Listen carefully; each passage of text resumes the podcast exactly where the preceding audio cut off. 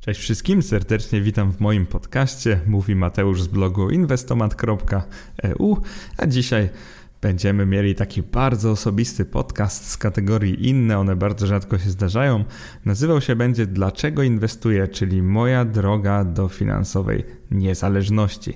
Mam nadzieję, że już tytuł jest ciekawy, ale wierzcie mi, takiego osobistego podcastu to jeszcze nie nagrywałem, więc w tym nagraniu będziecie mieli okazję poznać mnie trochę bliżej, z takiej innej strony niż zwykle. E, co prawda, jak zwykle mam takie tendencje do liczb, do podawania jakichś konkretnych informacji, więc i tu nie będzie inaczej. Natomiast e, w tym podcaście opowiem bardziej o swojej historii, o moich pierwszych latach inwestowania czyli pierwsze kroki, które podjąłem w mojej drodze do jakichś pierwszych takich większych kwot, nazwijmy to, jeżeli chodzi o inwestowanie, o tym, kiedy zaczął się kształtować w ogóle mój plan inwestycyjny, o największych porażkach, ich sukcesach tego właśnie pierwszego etapu. Następnie będę Wam trochę opowiadał o rozwoju kariery, czyli tym etapie, w którym zwiększałem swoje wpływy do portfela, kiedy dokonywałem pierwszych takich du naprawdę dużych zmian, kiedy wydzieliłem sobie kapitał na spekulacje, przeszedłem na portfel półpasywny i tak dalej, i tak dalej. I ca w całej tej historii dojdziemy do takiego momentu, kiedy osiągnąłem w miarę odczuwalny pasywny przychód. Co mam na myśli mówiąc w miarę odczuwalny? Dla tych z Was, którzy już słuchali podcastów o ruchu FIRE, czyli dlaczego oszczędzam 70% z każdej wypłaty, oraz tego podcastu o etapach osiągania wolności finansowej.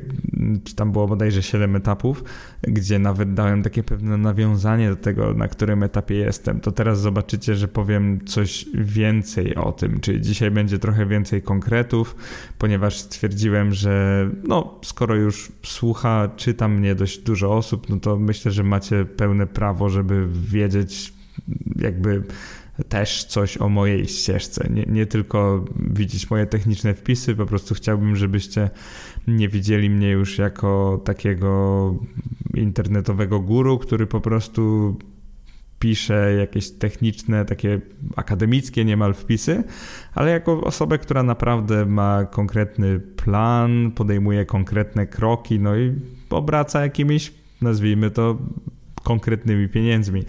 Konkretnymi mam na myśli to, co udało mi się zarobić, także nie będzie tu żadnej ściemy, wymyślania. Tak jak wam na stronie o mnie, zresztą w wielu podcastach to mówiłem, moim celem jest 10% zysku rocznie brutto. Jeżeli mi się to udaje osiągnąć, jest super. E, kompletnie nie chcę w tym wszystkim pokonywać innych inwestorów, nie chcę tym się jakoś chwalić. E, zeszły rok miałem faktycznie bardzo dobry, bo tak jak nagrałem wam w podcaście, który go podsumowywał, czyli we w co inwestować w 2021 roku. Powiedziałem wprost, że ten mój wynik w zeszłym roku, tym takim koronawirusowym, trochę felernym dla niektórych, wyniósł prawie że 21%, jeżeli dobrze pamiętam, ale to jest pewna anomalia. Po prostu to wynikło z tego, że byłem na to jakoś lepiej przygotowany od innych może. To wynikło z tego, że nie podejmowałem jakiegoś nadmiernego ryzyka i po prostu sprzedałem ETF-y na obligacje, które same w sobie przyniosły mi bardzo duży zysk. Ale trochę wróćmy do tematu. Jeszcze zanim zaczniemy sam podcast, serdecznie dziękuję wszystkim, którzy polubili mnie, dali mi tą piąteczkę na Apple Podcasts. Jeżeli masz konto w iTunes, jeżeli tak masz na przykład telefon na Apple, to bardzo będę wdzięczny, jeżeli wejdziesz na Apple Podcasts i właśnie przyznasz mojemu podcastowi jakąś ocenę, oczywiście możliwie wysoką. Będzie jeszcze lepiej, jeżeli napiszesz recenzję, to wierzcie mi, ale to na naprawdę zwiększa zasięgi i pomaga mi w dotarciu do większej liczby osób. Także naprawdę serdeczne dzięki dla tych, którzy już to zrobili. Bardzo mi to pomaga i wierzcie mi, ta odwiedzalność podcastu, który ma tak jak teraz 60 ocen, a odwiedzalność podcastu, który miał na przykład 5 jest zgoła inna i naprawdę to, to robi ogromną różnicę. Pewnie w internecie sami zresztą kierujecie się ocenami, więc jak, jak takie coś ludzie widzą, to naprawdę na nich to działa, więc serdeczne dzięki. Oczywiście, jeżeli jeszcze nie lubicie mnie na Facebooku, to zapraszam inwestomat.eu, inwestomat się pisze przez W. Polubcie mój fanpage, e, choćby wyślijcie znajomym czasami link do jakiegoś wpisu i naprawdę mi to bardzo, ale to bardzo pomaga. Dlaczego to mówię? Dlatego, że wiele osób pyta mnie, jak mi pomóc, czy jakoś można, nie wiem, wpłacić pieniądze na Patronite, no to powiem szczerze, dużo bardziej pomagacie mi po prostu dzieląc się z innymi linkami e, niż e, jakimikolwiek pieniędzmi, przynajmniej póki nie mam żadnych produktów, więc spokojna głowa, może kiedyś coś wydam, będzie okazja mi jakoś odpłacić, jeżeli uważacie, że to jest warte właśnie zapłaty, a póki co, jeżeli ocenicie mnie na Apple Podcast, jeżeli polubicie na Facebooku, to myślę, że ma to więcej niż sens i ma to dla mnie ogromną wartość. Także bardzo dziękuję wszystkim, którzy propagują moje treści oraz podcasty. Od czego wszystko się zaczęło, czyli od moich pierwszych kroków w inwestowaniu. Skąd to wszystko się tak naprawdę wzięło?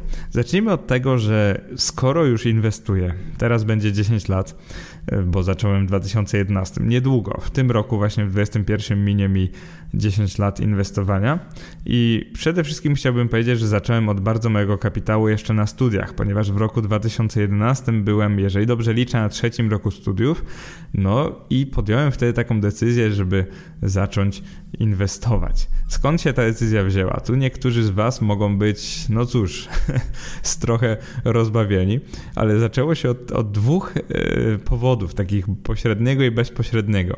Pośrednim powodem było to, że jeden z członków mojej rodziny kiedyś, czyli przed tym kryzysem finansowym w latach 2007-2008, postanowił zainwestować około 100 tysięcy złotych na giełdzie papierów wartościowych. Chodziło o polską giełdę, no i chodziło o spółki deweloperskie. Deweloperskie mam na myśli nie deweloperów gier, tylko deweloperów mieszkań i domów. Doradca finansowy, czyli po prostu sprzedawca w banku, polecił mu rozłożyć kapitał na 8 różnych spółek deweloperskich, bo to, cytuję, pewny wzrost. I teraz Dlaczego mówię to tak trochę sceptycznie? To tłumaczy skąd ta moja niechęć do sprzedawców w bankach i skąd niechęć do również aktywnych funduszy inwestycyjnych. Co prawda, członek mojej rodziny nie zainwestował w fundusze inwestycyjne, tylko w spółki na giełdzie, no ale to, co chcę powiedzieć, to jest dość ciekawa historia, ponieważ z początku, czyli w latach 7, 2007 i 2008, wzrost był naprawdę imponujący, bo wyobraźcie sobie, że z zainwestowanych 100 tysięcy złotych zrobiło się nagle prawie 200 tysięcy, także wow, naprawdę pełna hossa, świetne spółki i tylko pozazdrościć takiej osobie. Zresztą pamiętam, jak bardzo ta osoba cieszyła się wtedy. I wyobraźcie sobie, że w wielkim entuzjazmie kontynuowała ona inwestycje, obserwując jak z 200 tysięcy w ciągu kolejnego roku robi się niecałe 15 tysięcy złotych, obwiniając doradcę, samą giełdę i tak naprawdę wszystkich świętych za całe złotego świata i za taką stratę na giełdzie. Sytuacja ta wzbudziła we mnie sporą ciekawość, ponieważ jak się domyślacie, mam dość analityczny umysł. Domyślacie, chyba już macie tego dowody, chociażby ten blok i te moje wypociny. Wstawiam zawsze pełno wykresów, diagramów, tabelek i naprawdę lubię liczby. Więc domyślcie się, jak ja się czułem obserwując, jak bliska mi osoba traci bardzo dużo pieniędzy na giełdzie, jeszcze obwinia cały świat i kompletnie nie rozumie, jak to się stało. W naturalny sposób oczywiście współczułem tej osobie, ale przyznam wam się szczerze, że bardziej niż jej współczułem, to chyba byłem ciekaw, dlaczego to się stało. I nie, że jestem osobą bez serca, bo nie chodzi o to, po prostu chciałem się dowiedzieć, jak to jest możliwe, że niektórzy na giełdzie zarabiają, podczas gdy większość na niej traci, bo to chyba nie jest tajemnica, że większość przynajmniej przegrywa z rynkiem. Choć może być nawet, że większość rachunków faktycznie ma ten ujemny, negatywny wynik i było to dla mnie ciekawy i był to taki motywator do inwestowania. Niektórzy z Was mogą teraz pomyśleć, że jest to dość kiepski motywator, ale wierzcie mi, wzbudziło to we mnie taką ciekawość, że zacząłem prawie że inwestować. Dlaczego prawie że? Ponieważ takim prawdziwym i bezpośrednim zapalnikiem było obejrzenie przeze mnie filmu Wall Street. Jeżeli dobrze pamiętam, obejrzałem go w 2010, chociaż może 11, czyli gdy miałem 21 lat, obejrzałem film Wall Street i nie, nie mówię teraz o filmie Wilk z Wall Street, także nie mylcie go z tym filmem, tylko o tym oryginale z Michaelem Douglasem i Charliem Sheenem. Wilk z Wall Street był parodią raczej niż solidnym dramatem, natomiast Wall Street jest faktycznie takim dramatem, który pokazuje chciwość, który pokazuje bezwzględność osób i jakoś bardzo spodobał mi się ten koncept. Oczywiście nie mówię o głównych bohaterach, nie koncept oszukiwania czy jakiegoś takiego dzikiego kapitalizmu, natomiast nauczyło mnie to tego konceptu właśnie, że ludzie mogą kupić cegiełkę w firmie, która naprawdę istnieje, zarabia prawdziwe pieniądze i tak dalej. Także myślę, że pierwszy raz tak namacalnie zobaczyłem, co to w ogóle znaczy giełda. Pierwszy raz namacalnie tak zrozumiałem, co to znaczy inwestować na giełdzie i już nawet nie chodziło o samą wizję bogactwa, tylko o takie no, dotknięcie tego świata, zobaczenie, że da się tam właśnie kupować spółki, że spółki mają zyski i tak dalej, i tak dalej, więc tak naprawdę otworzyło to pewną mentalną kieszonkę w mojej głowie. I teraz zacznijmy od moich pierwszych kroków w inwestowaniu. Wyobraźcie sobie, że w 2011 roku bez żadnego przygotowania, jeżeli dobrze pamiętam, to była druga połowa 2011 roku, bez żadnego przygotowania, żad, przeczytania żadnych książek, tak naprawdę nie zrobiłem, nie odrobiłem żadnej pracy domowej, co było dość ciekawe. No plus za to, że nie, nie pytałem doradcy w banku, zresztą z takim kapitałem, jak wtedy miałem, to żaden doradca w banku by mnie nie przyjął. Mowa tutaj o niecałych 10 tysiącach złotych, czyli wyobraźcie sobie, że mam niecałe 10 tysięcy złotych, jestem gdzieś na studiach. Te pieniądze w ogóle pochodziły z pracy takiej dorywczej, wakacyjnej najczęściej. To były pieniądze, które miałem na życie, ale tak naprawdę no, na moje szczęście wtedy jeszcze rodzice mi przelewali pieniądze, więc jakby żyłem za pieniądze rodziców, więc to była taka moja nadwyżka. Wziąłem te 10 tysięcy złotych i po prostu zainwestowałem na giełdzie. Na giełdzie polskiej, ponieważ nie znałem nic innego wtedy oraz w akcje, bo też nie znałem nic innego, czyli nie słyszałem jeszcze o ETF-ach ani obligacjach. Oczywiście rodzicom jestem bardzo wdzięczny, że mnie wtedy utrzymywali, że mogłem sobie pozwolić na taką, jak nazwijmy to, spekulację giełdową i właśnie to był pierwszy krok mojej ścieżki do finansowej niezależności, pierwszy etap. Nazwałbym go bez oszczędności, ponieważ nigdy nie byłem zadłużony, nigdy nie byłem na etapie pierwszym i jestem za to dozgodnie wdzięczny moim rodzicom. Zacząłem od etapu drugiego, który właśnie nazywa się bez oszczędności. No i tą zabawę z giełdą zacząłem od właśnie etapu, nazwałbym go 2, 2.1. Miałem 10 tysięcy złotych i zero wiedzy o giełdzie. I teraz zgadnijcie, co zacząłem robić. Zacząłem wybierać samemu polskie spółki, bez żadnej wiedzy. No na szczęście nie wchodziłem tak dużo na fora typu forumbankier.pl. Na szczęście nie wchodziłem tak dużo na grupy na Facebooku. Starałem się to robić w miarę na własny rachunek, czytając po prostu wpisy na blogach takich fundamentalnych bardziej, co to są na przykład wskaźniki fundamentalne, cena do zysku, cena do wartości księgowej.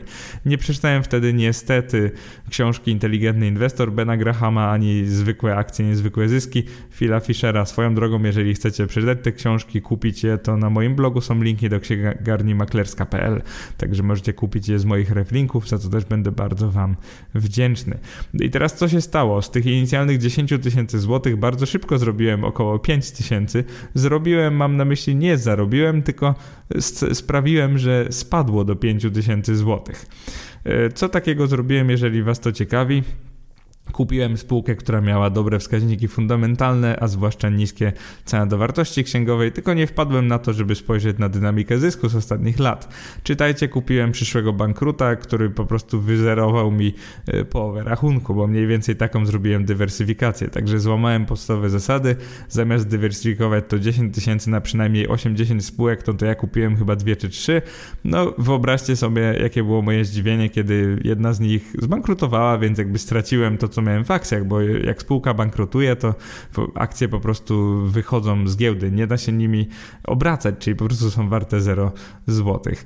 Mój pierwszy portfel inwestycyjny, nazwijmy to, zabierał w sobie natomiast 5 spółek.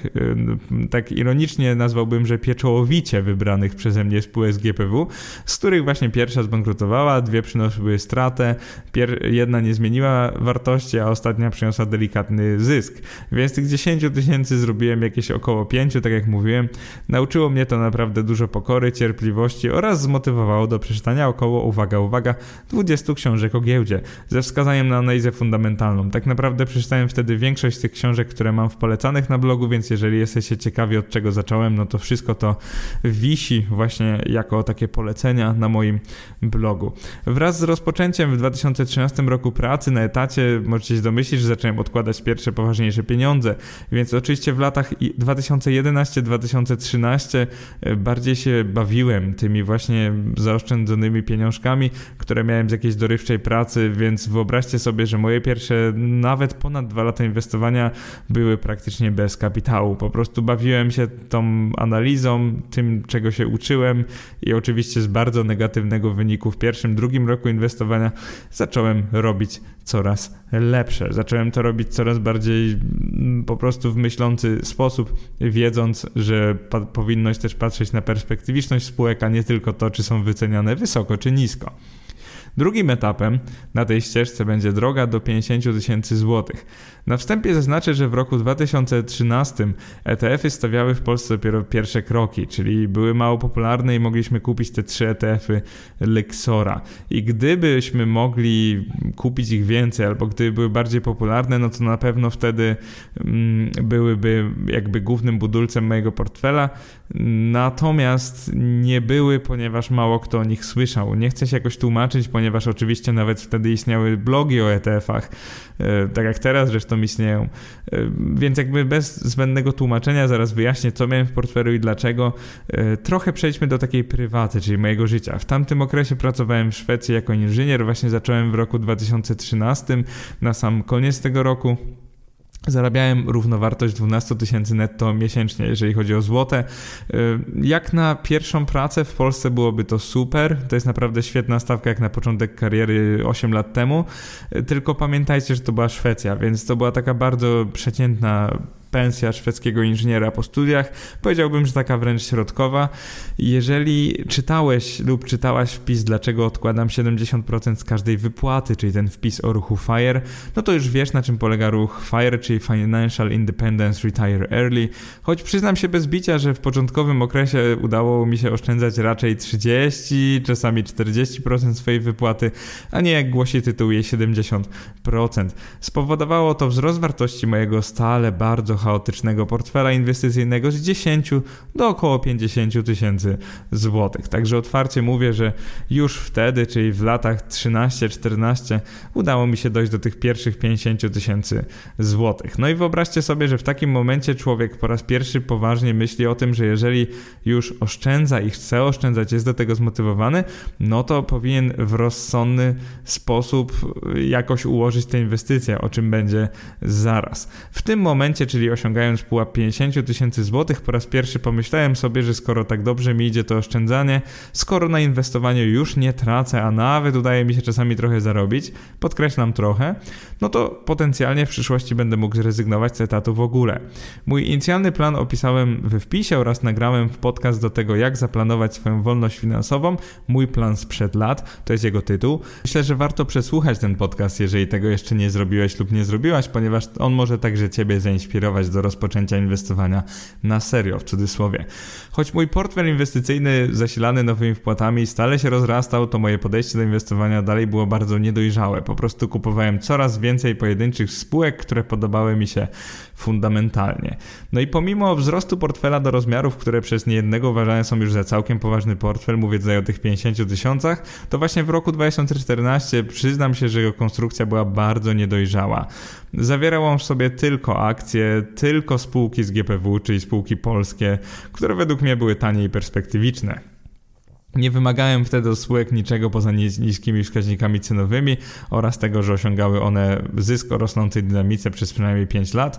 Nie skupiałem się wtedy na spółkach dywidendowych, których co prawda, no, przypadkiem lub nie, miałem trochę w portfelu, e, a o obligacjach korporacyjnych tylko słyszałem, także nie było jeszcze dla nich miejsca, w ogóle nie wiedziałem nawet jak je kupić wtedy.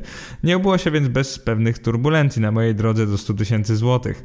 E, wyobraźcie sobie, że na tej drodze do 100 tysięcy złotych czasami miałem jednego dnia 80 tysięcy, a drugiego już 120 i to tak skakało, że ciężko było mi nawet ustalić moment, w którym udało mi się osiągnąć 100 tysięcy złotych. Droga więc nie była usłana różami. W latach 2014 i 2015 byłem bardzo skupiony na rozwijaniu swojej kariery w korporacji, a miałem dużo mniej czasu i w ogóle chciałem mieć dużo mniej czasu na inwestowanie. Więc w drodze do 100 tysięcy złotych wielokrotnie zaliczyłem takie mocniejsze skoki cen akcji. Tak jak wam mówiłem, raz to było 70 tysięcy, raz 110, następnego dnia 80 parę, później 120 i tak naprawdę bardzo to skakało. Mowa tutaj o okresie gdzieś koniec 2014 roku, początek 2015 roku, więc takiego stabilnego pułapu 1,1 miliona złotych nie osiągnąłem tak naprawdę zanim nie włączyłem do portfela bardziej bezpiecznych aktywów w postaci obligacji korporacyjnych. Poprzez bezpiecznych mam na myśli oczywiście mniej zmiennych, mniej ryzykownych, takich, których cena raczej nie skacze, a obligacji korporacyjnych oczywiście mówię tutaj o tych średniej rentowności.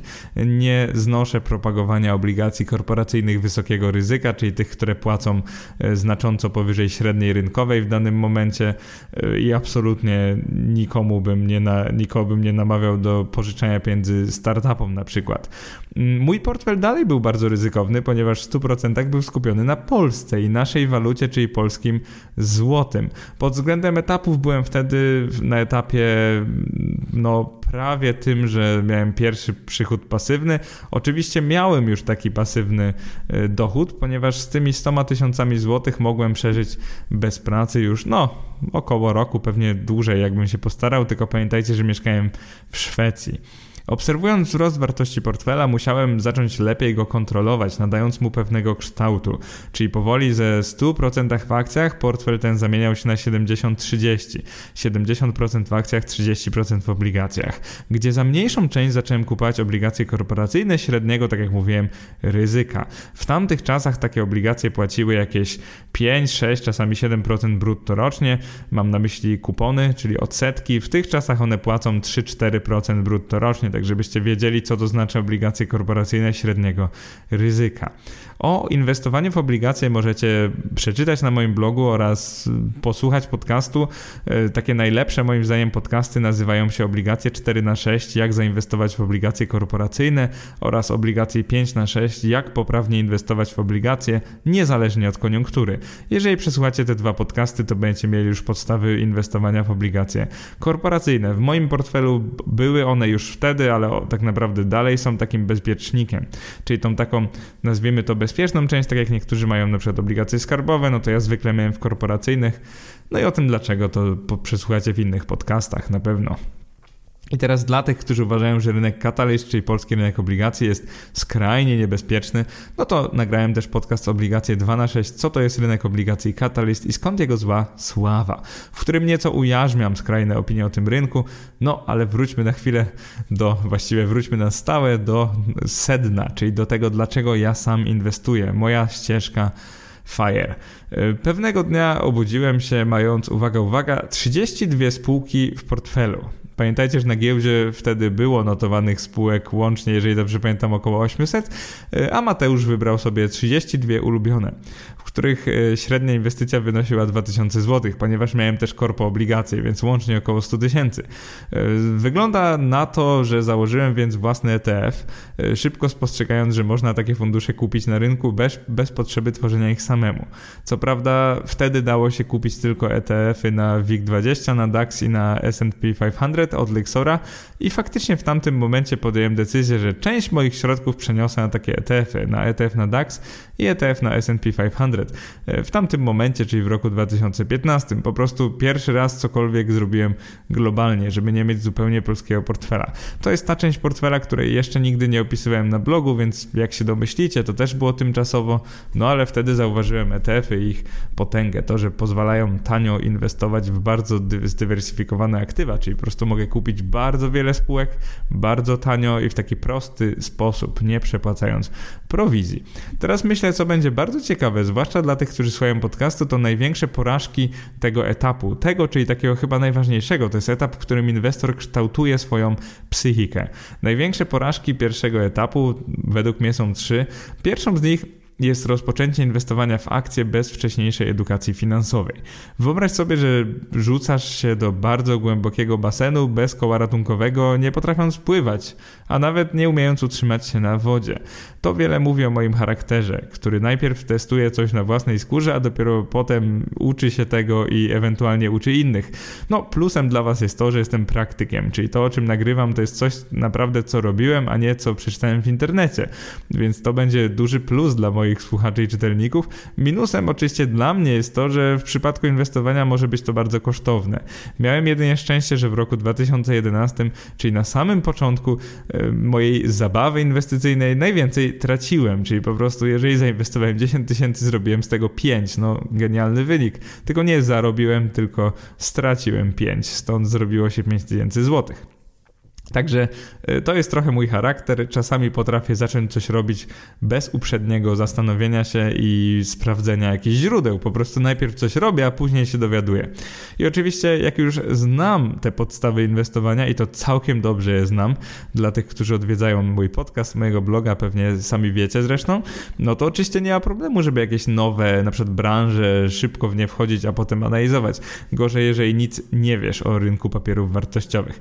To był pierwszy błąd błąd zatem. Drugi błąd, i to bardzo duży, niezainteresowanie się obligacjami korporacyjnymi, zresztą jakimikolwiek obligacjami, równolegle ze wzrostem zainteresowania akcjami, którego nijak nie potrafię wytłumaczyć. Czyli wyobraźcie sobie, że do tych 100 tysięcy prawie mój portfel to były same akcje. Yy, chyba brak zainteresowania obligacjami wynikał z tego, że nie tak dawno wtedy był kryzys finansowy w tym 2008 roku oraz yy, ogólnie blogi finansowe były takie akcjocentryczne. Wtedy czytałem głównie blogi, dopiero książki zaczynałem. Tak naprawdę wszyscy pisali o akcjach, a obligacje były takie pomijane. Jednym z powodów na pewno też było to, że w długim terminie akcje radzą sobie o wiele lepiej niż obligacje, co jest jakby oficjalnie znanym faktem.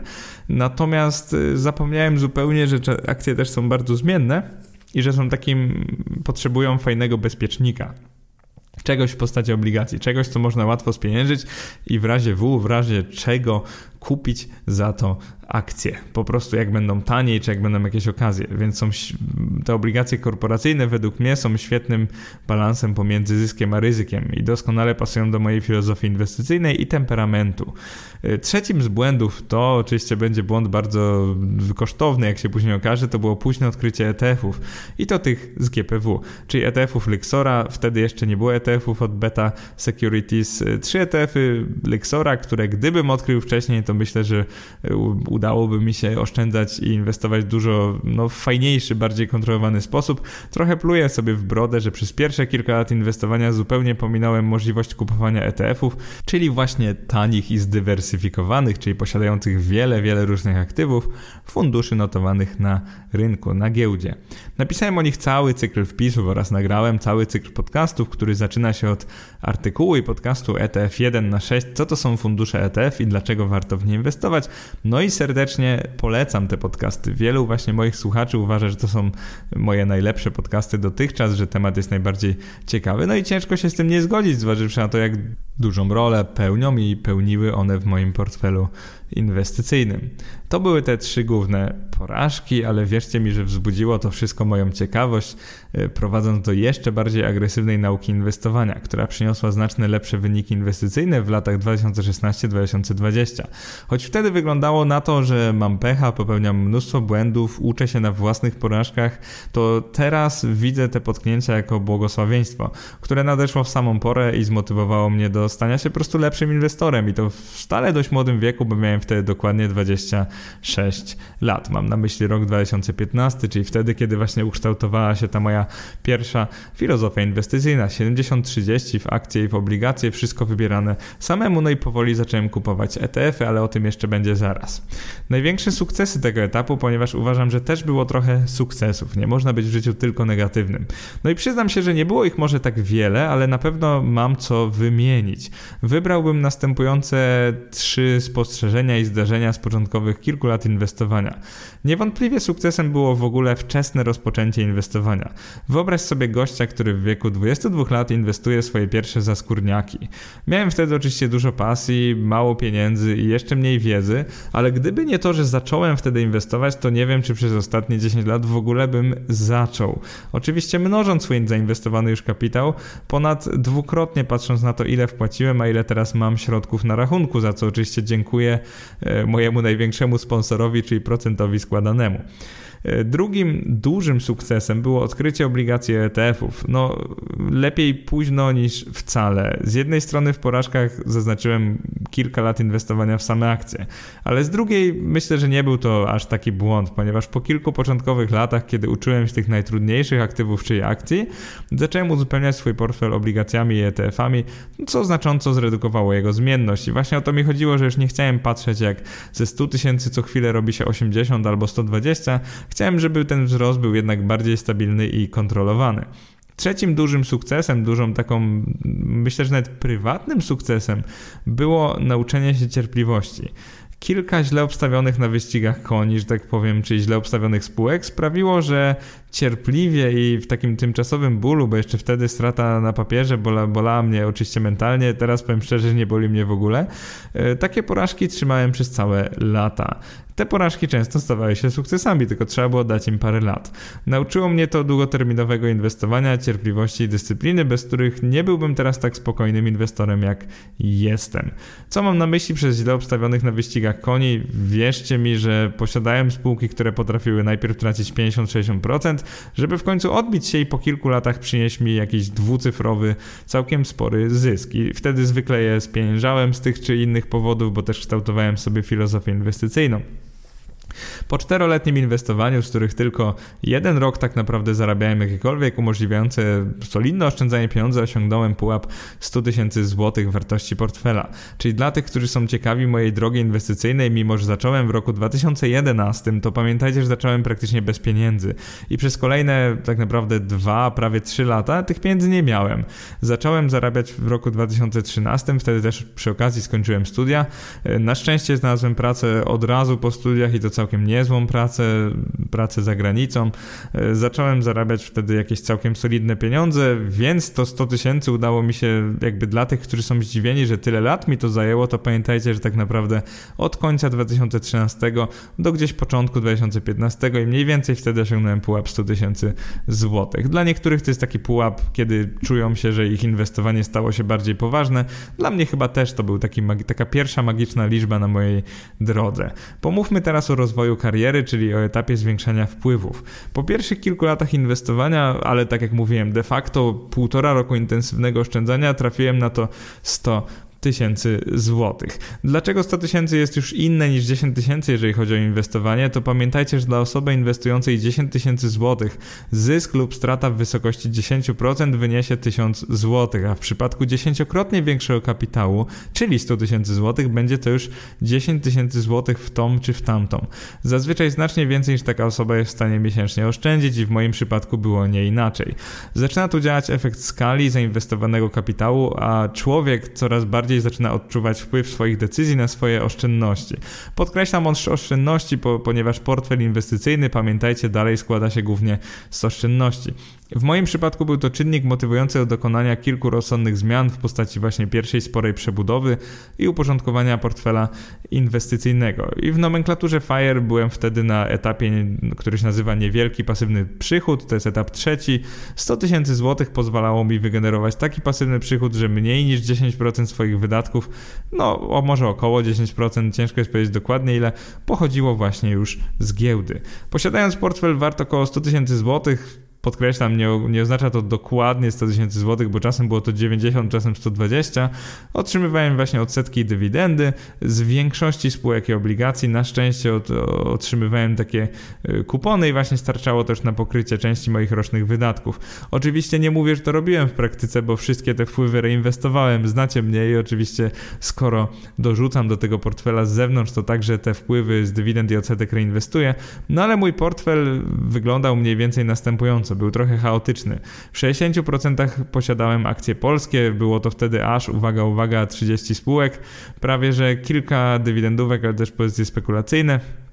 10% to były ETF-y Lexona na DAX i S&P 500, czyli akcje niemieckie i amerykańskie notowane na GTW, GPW i tu mam na myśli ETF-y były not, są notowane na GPW, natomiast akcje oczywiście są notowane na e, Deutsche Börse i na e, NYSE w większości oraz na Nasdaq, czyli na tych giełdach amerykańskich. E, były to jedyne ETF-y, o jakich wiedziałem wtedy i tak naprawdę o jakich polski inwestor musiał mógł wiedzieć tak naprawdę. No i ten, na S&P 500 wypłaca dywidendy, co wcześniej nauczyło mnie tego podatku z dywidend. I oczywiście nauczyłem się wtedy, że trzeba go rozliczyć osobno i tak dalej, i tak dalej. Więc jak się domyślacie, pierwszy raz w roku 2016 złożyłem takie zeznanie, w którym właśnie musiałem uwzględnić te dywidendy z tego ETF-a, mimo że to było jakieś śmieszne kwoty, jakieś kilkaset złotych łącznie. 30% mojego portfela to ostatnie to były obligacje korporacyjne z Catalyst. W tamtych czasach płaciły one odsetki wynoszące między 5 a 6% brutto rocznie.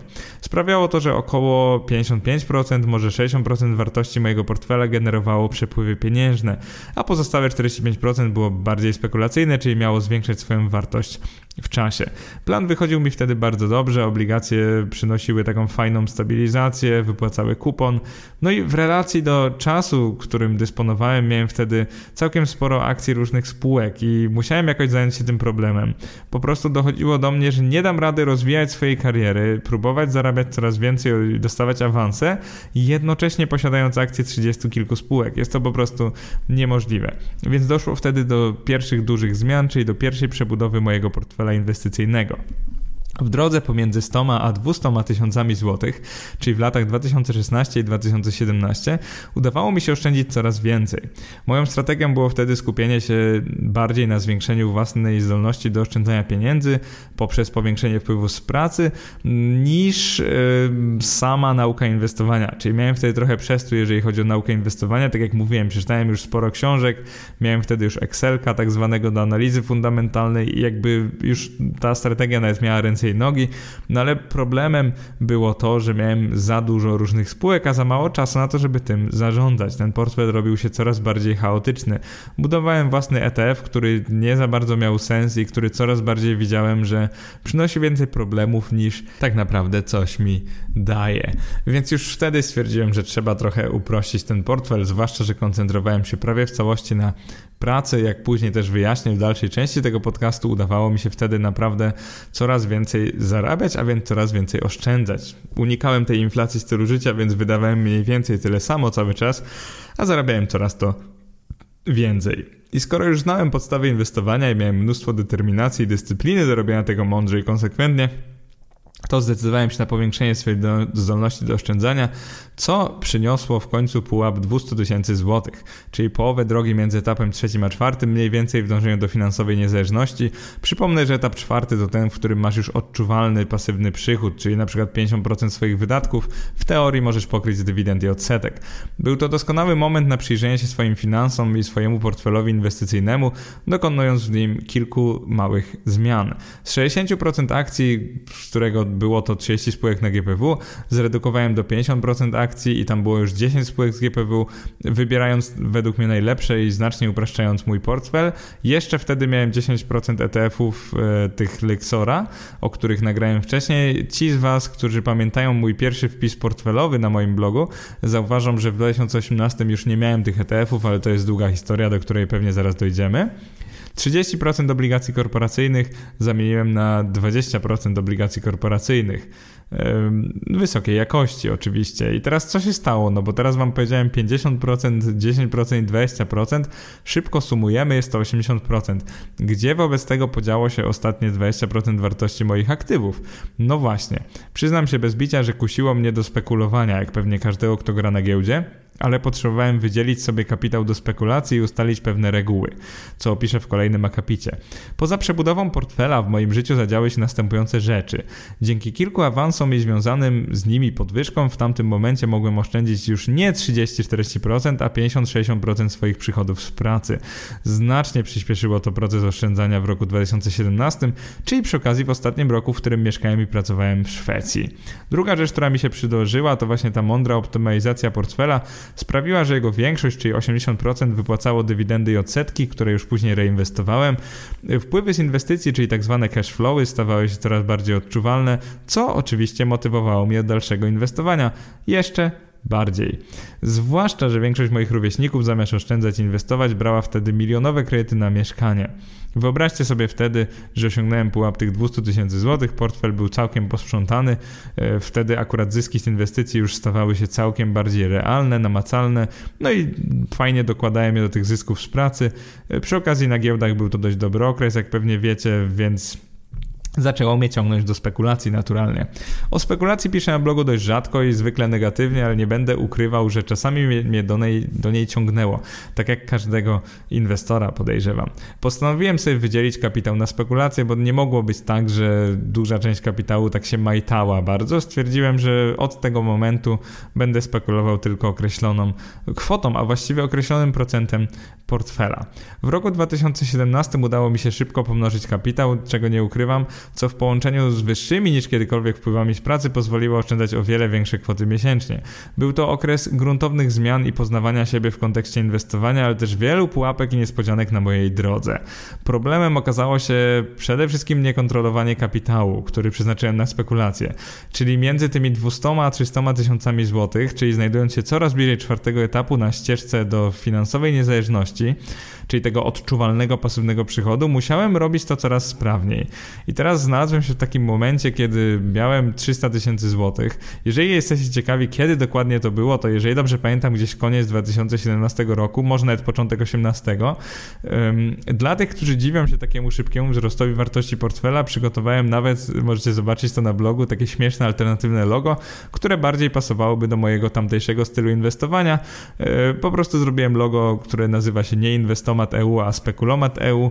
No i zamiast yy, oszczędzanie, inwestowanie, gospodarka napisałem shortowanie, lewar, forex, emocje. Choć na forexie nigdy nie grałem, no to kojarzy się to ze spekulowaniem. Według zasady Pareto 80% mojego zysku pochodziło wtedy z 20% moich inwestycji, które tak naprawdę nazwałbym zwykłą spekulacją. E, nigdy na przykład nie grałem na walutach, ale korzystałem za to z kontraktów futures na WIG20, tych, które miały lewar 20 do 1, na czym udało mi się nawet swego czasu trochę zarobić. Natomiast nauczyło mnie to też, że nie można mieć dużej części portfela w zmiennych aktywach, bo jest to po prostu zbyt stresujące. Z jednej strony udało mi się wtedy fajnie podgonić wartość portfela i właśnie doszedłem w końcu do 300 tysięcy złotych, a z drugiej strony nauczyło mnie wiele pokory i dało mi sprawdzić, mm, jak radzę sobie również z większymi stratami, bo wierzcie mi, ale czasami miałem wtedy już takie no e, pięciocyfrowe straty z dnia na dzień, to już trochę bolało, zwłaszcza taką osobę, która niedawno w ogóle zaczęła inwestować. Więc te spekulacje spowodowały kolejną dużą zmianę w moim tym paradygmacie inwestycyjnym, jaką było wydzielenie sobie kapitału na spekulacje. Gdy na przełomie 2017 i 2018 roku co róż zyskiwałem i traciłem pieniądze, sprawiając, że raz mój portfel był wart 250, a raz 350 tysięcy złotych, to podjąłem jedną z najważniejszych decyzji, która wpłynęła na moje inwestowanie i tak naprawdę trzymam się jej do dzisiaj. Spisałem sobie zasadę, że w dowolnej chwili spekulować mogę tylko 10% kapitału, a pozostałe 90 90% muszę ulokować w mądrze, rozsądnie dobranych i tanich akcjach, ETF-ach i obligacjach, z których większość ma generować przepływy pieniężne w postaci odsetek i dywidend. Efektem powyższej reguły było to, że wszelkie zyski ze spekulacji szybciutko odcinałem i dalej zresztą odcinam i wkładałem takiego sejfu w postaci bezpieczniejszych aktywów odsetkowo-dywidendowych.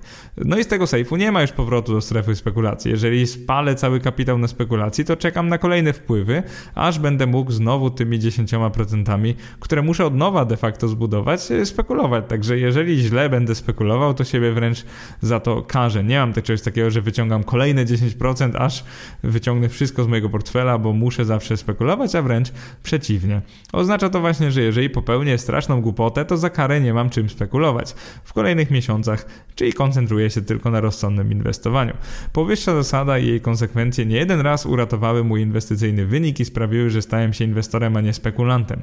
Różnie Między powyższymi opisałem już we wpisie i podcaście inwestycyjny wstęp 1 na 6 spekulacja o inwestowanie, który wzbudził nieco kontrowersji wśród czytelników, zwłaszcza tych trudniących się rynkiem forex, czyli spekulujących na większej dźwigni. Ograniczenie sobie możliwości spekulowania tą zasadą sprawiło, że w latach 2018 i 2019, czyli już wtedy jak przeprowadziłem się do Polski i spadły moje wpływy z pracy, sprawiło, że mój portfel stawał się coraz bardziej pasywny.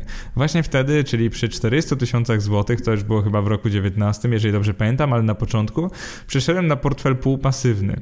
No jeżeli mnie znasz, to wiesz, że nie przepadam za finansowym ekshibicjonizmem. Nie bez powodu dotychczas nie mówiłem w ogóle o wartości swojego portfela, a na blogu rzadko operuję konkretnymi kwotami. W tym wpisie i podcaście robię jednak sporo wyjątków, by wyjaśnić Ci kiedy i dlaczego zmieniało się moje podejście do inwestowania. Myślę, że tutaj bez podawania jakichś konkretnych kwot w ogóle nie rozumiałbyś z kim masz do czynienia i nie rozumiałbyś dlaczego podejmowałem pewne e, kroki, pewne decyzje, więc docierając w roku 2019 do 400 tysięcy byłem coraz bliżej nad, już nazwania wpływów z odsetek i dywidend odczuwalnymi, a pomimo podatku Belki, który tak podgryzał co rusz moje dywidendy i odsetki, stawały się one coraz większym zasilaczem mojego portfela. Zwłaszcza, że pod koniec roku 2017 wróciłem do Polski, co bardzo negatywnie wpłynęło na moje zarobki. No powiem wam transparentnie, że straciłem prawie że połowę moich wpływów miesięcznych, a więc nawet gdybym oszczędzał wtedy 70% wypłaty, to było to dużo mniej niż kiedykolwiek. Do powyższego jeszcze wrócimy w dalszej części tego podcastu, no ale pozwól, że przedstawię Ci jak wyglądał ten czwarty etap, prawie czwarty etap ścieżki FIRE na początku 2019 roku. Był to właśnie etap, kiedy mogłem pewnie przeżyć bez pracy już kilka lat na tych 400 tysiącach złotych. E, ile miałem wtedy lat w 19? No teraz mamy 21 i niedługo kończę w sierpniu 32 lata.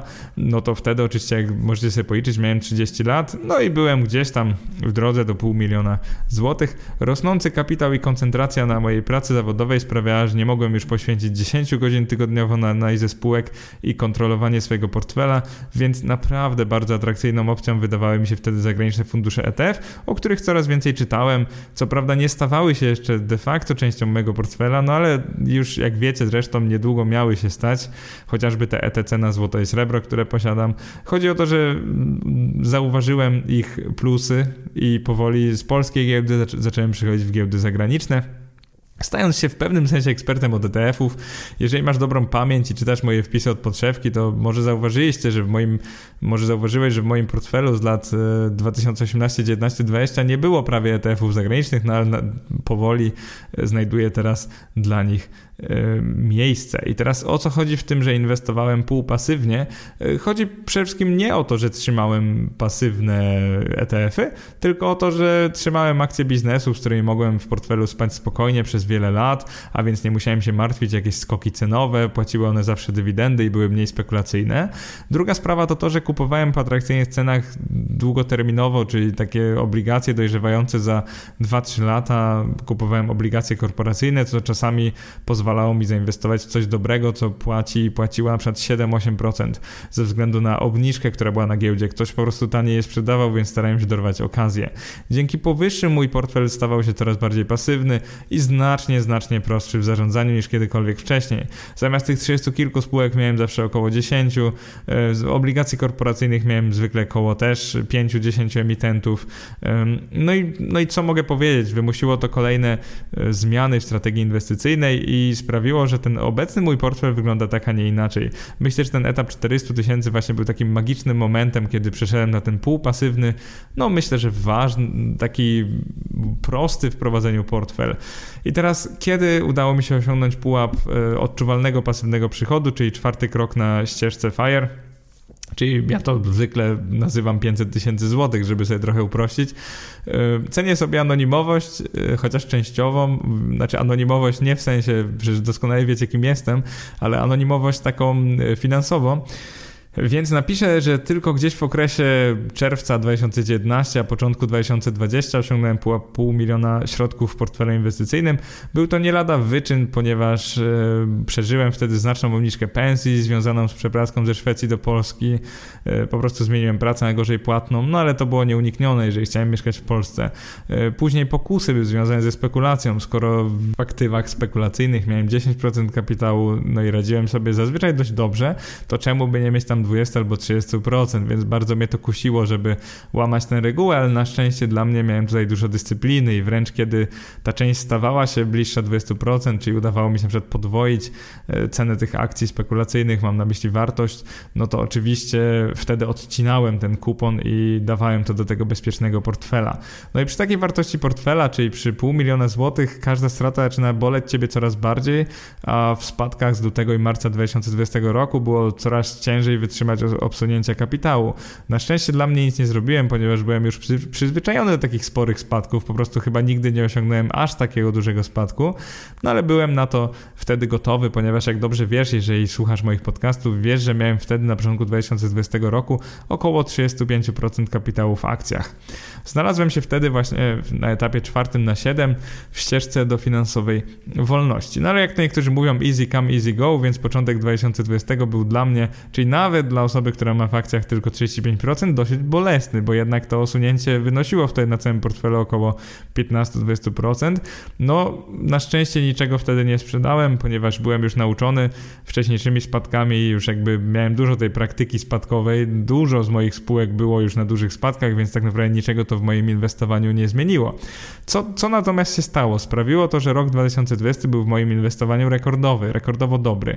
Łącznie z odsetkami dywidendami zarobiłem jakieś 21% w tym roku, mówię oczywiście brutto, co w połączeniu z rozkręcaniem tego bloga i tego podcastu, którego właśnie słuchasz, czyli inwestomat.eu, y, sprawiło, że całościowo pod względem satysfakcji był to jeden z najlepszych okresów mojego życia. Celowo zostawię Cię tutaj z powyższą um, informacją i dalej już będę cenzurował wartość mojego portfela, ale bystry czytelnik prosto sklei fakty i sam się domyśli, ile on może teraz wynosić. No ale pamiętajcie, ta wartość nie jest najważniejsza, ważniejsze jest to, co robimy z naszymi pieniędzmi, więc zamiast tego skupmy się na kształcie mojej obecnej strategii inwestycyjnej, o którą bardzo często jestem pytany. Także co wpłynęło na jej kształt? Przede wszystkim odkrycie przeze mnie ETF-ów w roku 15-16, odkrycie przeze mnie maklerskich IK w roku 2017 oraz decyzja o ograniczeniu spekulacji w roku 2018. Mimo tego, że spekuluję tylko 10% wartości mojego portfela, no i przy okazji jest to część portfela, o której zbytnio nie piszę, bo ma minimalny walor edukacyjny, a przede wszystkim taki ma być mój blog, prawda? No to posiada on y, sporą część aktywną i teraz u mnie część aktywna to nie jest wcale, że część spekulacyjna, także nie mylcie tego. Po prostu moi stali czytelnicy i słuchacze mogą wiedzieć, że portfel traktuję jako całość, natomiast jeżeli miałbym go jakoś podzielić, to byłaby to część pasywna, czyli cashflowy i część aktywna, czyli wzrost wartości. W części pasywnej mam moje IKE, IGZE oraz zwykłe konto maklerskie częściowo. W części pasywnej mam tak naprawdę tylko akcje dywidendowe, ETF-y dywidendowe, obligacje korporacyjne oraz ETF-y na obligacje. Mówię, wszystko co wypłaca dywidendy i odsetki. Docelowo jest to 80-90% mojego portfela.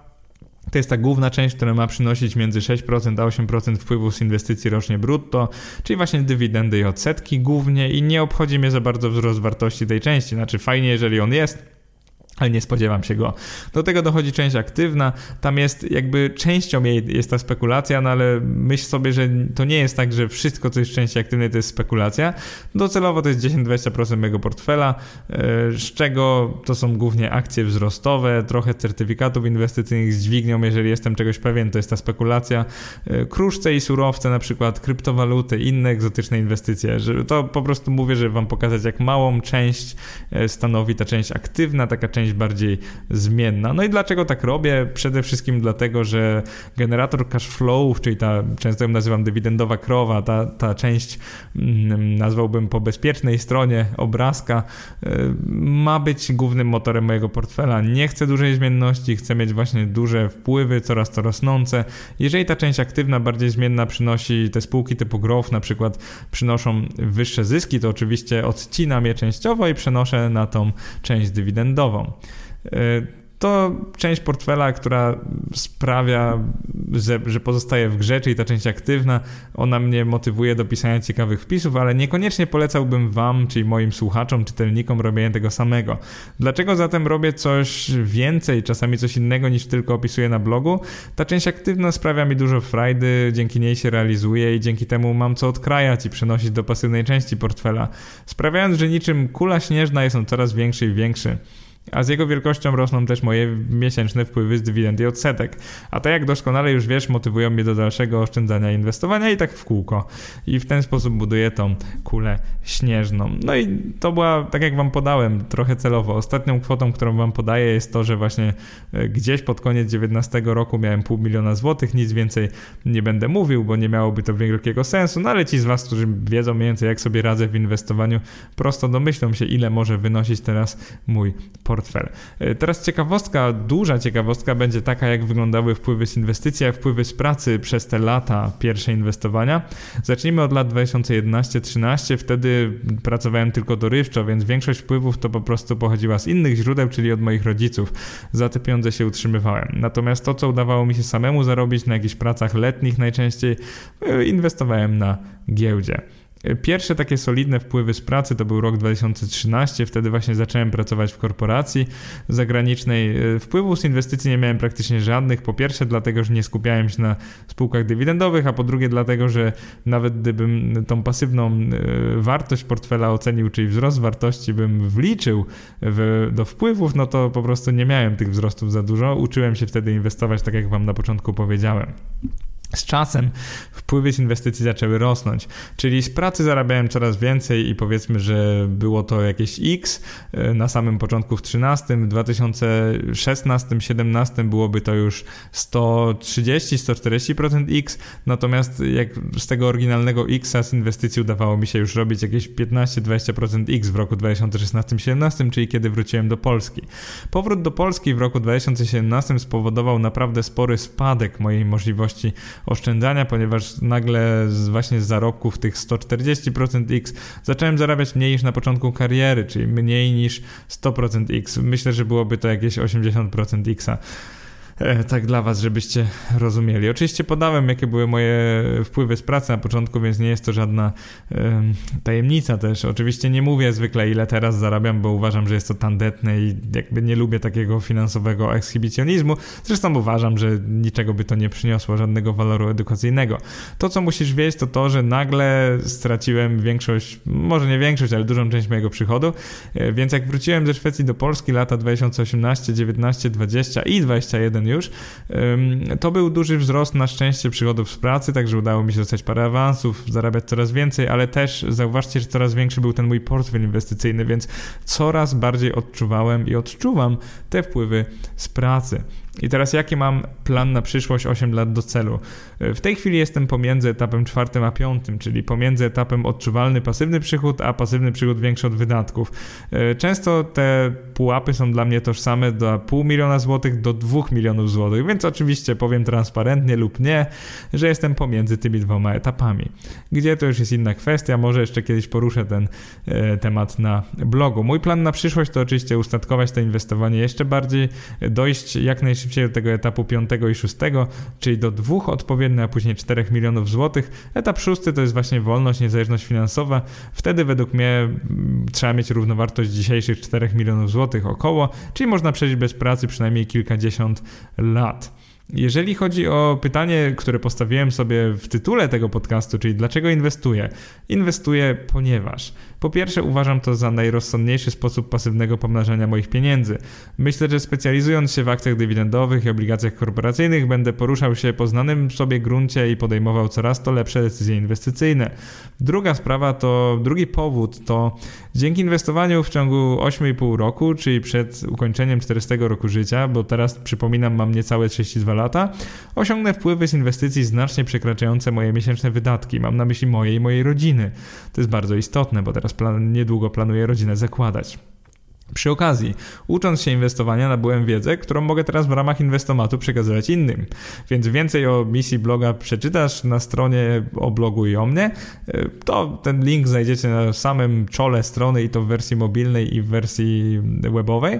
A póki co zastanówmy się nad tymi kolejnymi etapami trochę bardziej. Kolejnym etapem będzie etap piąty. Zwykle mówię, że tam 1,5-2 miliony złotych trzeba osiągnąć, czyli wtedy już można z inwestycji pokryć ponad 100% swoich wydatków. E, ta podróż dopiero co staje się naprawdę fascynująca. Możesz się pewnie domyślać, że przy takiej skali portfela, jaki teraz prowadzę, to już każda zmiana jest bardzo odczuwalna, dlatego spekulacja jest bardzo niewskazana. Już na tyle mam dużo środków, że odczuwam te profity mojego inwestowania. Jednocześnie mam ich na tyle mało, że nie jestem pewien, czy uda mi się dojść do tych 4-5 milionów przed ukończeniem 40 roku życia. Prawdopodobieństwo powodzenia planu oceniam na jakieś 85% i to bazuje na licznych analizach, symulacjach i sposobie, w jaki prowadzę mój portfel. Myślę, że pokrzyżować moje plany mógłby tylko globalny kryzys finansowy trwający przykład dekadę, do czego oczywiście mam nadzieję nie dojdzie, choć przed czym ostrzegam we wielu, wielu wpisach, zwłaszcza we wpisach portfelowych. Skoro już wiesz o mnie bardzo dużo i o mnie i o mojej finansowej podróży, to na sam koniec chciałbym jeszcze przedstawić Ci pewne oczekiwania od moich inwestycji, jak to widzę w przyszłości właśnie w ciągu tych kolejnych 8,5 lat, czyli do roku 2029. Ta moja misja wymaga mnóstwo dyscypliny, mądrego i rozsądnego inwestowania, w którym muszę unikać przesadnego ryzyka, jednocześnie starając się złapać okazje, które prezentuje mi rynek. Więc te lata 2021 a do 2030 planuję mniej więcej w ten sposób, że dzięki rosnącym wpływom pasywnym w około roku 2026 zacznę już wygaszać moją pracę na etacie. Efektywnie będę pracował najpierw 80% etatu, później pewnie coraz mniej, dążąc do 50%, a później nawet 25% etatu w roku 2029. Na pewno nie przestanę pracować, bo dla mnie FIRE oznacza głównie Financial Independence, czyli FI, a nie RE, czyli Retire Early. Dla mnie FIRE jest jedynie dodatkiem, to RA jest jedynie dodatkiem takim motywującym mnie do inwestowania, natomiast e, chcę się bardziej wtedy skupić na rodzinie, na blogu, na podróżowaniu, na edukowaniu innych, w mądrym zarządzaniu ich finansami. Warto wspomnieć, że pomimo rosnącego majątku nie mam i nigdy nie miałem swojej nieruchomości, czyli w kolejnych pewnie roku, dwóch e, wezmę maksymalny możliwy kredyt hipoteczny, czyli minimum wkładu własnego, ponieważ są one takie tanie, no to po co przypłacać, na jakąś tanią i skromną nieruchomość z rynku wtórnego, którą pewnie wyremontuję. Tym sposobem zwiększę swoje miesięczne wpływy na inwestowanie, ponieważ jak się domyślasz, jak się domyślacie, y, wynajem kosztuje i kosztuje coraz więcej, więc gdzieś tam postaram się dorwać jakąś okazyjnie wycenioną nieruchomość. No i wbrew temu, co niektórzy by radzili, czyli wydać swoje pieniądze, ja właśnie nie chcę wydawać swoich pieniędzy, ponieważ inwestowanie przynosi mi dużo większe wpływy niż y, będę płacił ten kredyt hipoteczny procentowo, więc jakby mi się akurat dużo bardziej opłaca wziąć, y, na, powiedzmy, na dużym lewarze, czyli wziąć wysoki kredyt hipoteczny.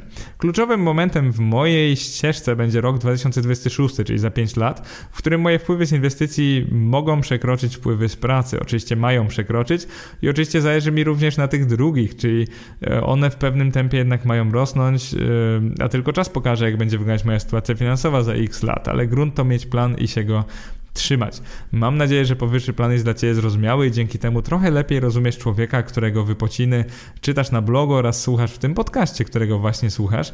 E, kilka lat temu zauważyłem, że poza inwestowaniem lubię też mówić i pisać o inwestowaniu, czyli uczyć tego innych od podstaw. E, co zresztą zacząłem robić w czasie wolnym już w roku 2016. Dlatego właśnie teraz bardzo króciutko opowiem Ci, dlaczego zacząłem dzielić się wiedzą. Mógłbym teraz pisać o misjach zmiany świata na lepsze i byłoby to w pewnym sensie prawdziwe, ale na najniższym poziomie świadomości po prostu uwielbiam dyskutować o inwestowaniu.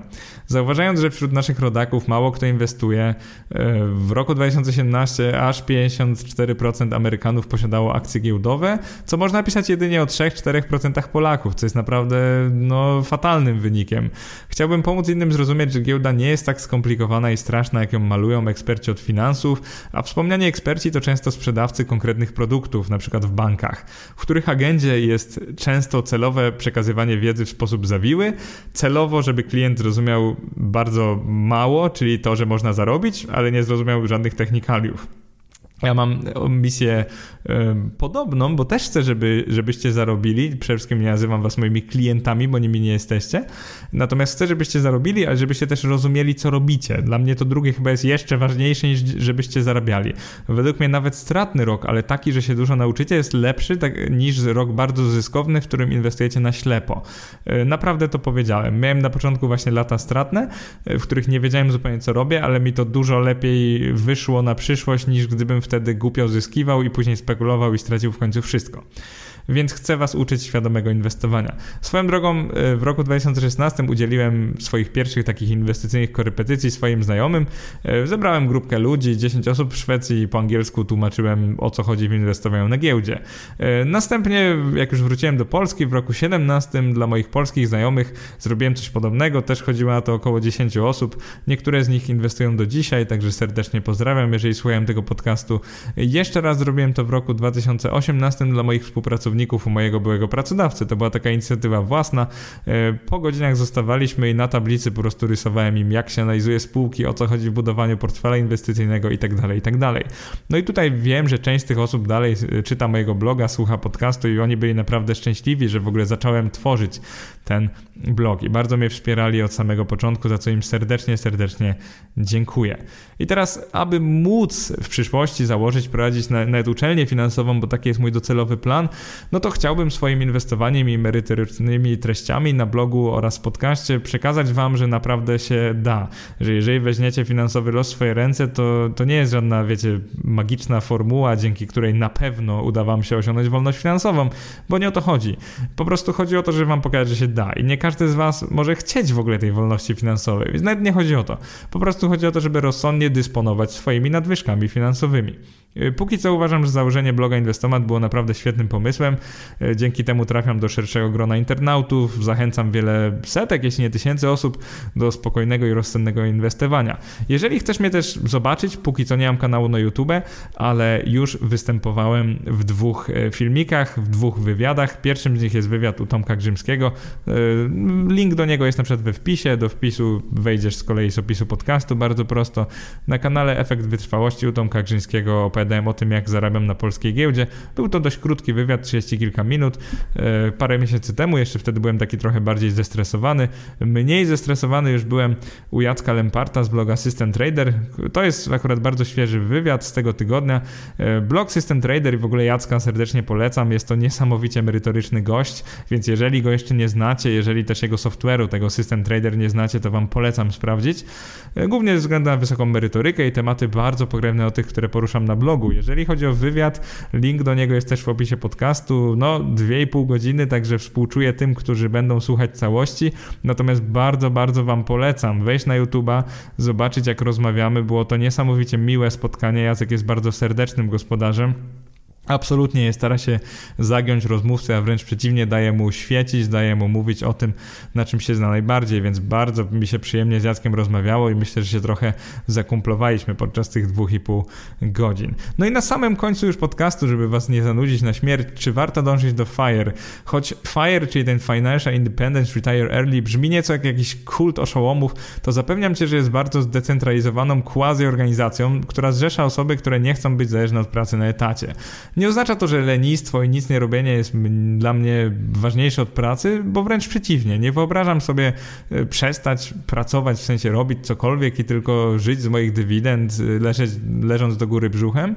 E, chodzi po prostu o to, że nie chcę musieć pracować w konkretny sposób, a zamiast tego chcę móc świadomie podejmować decyzje, wybierać to, co w danym momencie robię. Na przykład, jeżeli będę chciał prowadzić ten blog i nie będę chciał zrobić z niego jakiejś mega maszynki zarabiania pieniędzy, bo na przykład w tej chwili nie planuję, no to chciałbym po prostu móc go prowadzić na spokojnie i sobie ewentualnie sprzedawać jakieś produkty, jeżeli coś fajnego uda mi się napisać albo nagrać.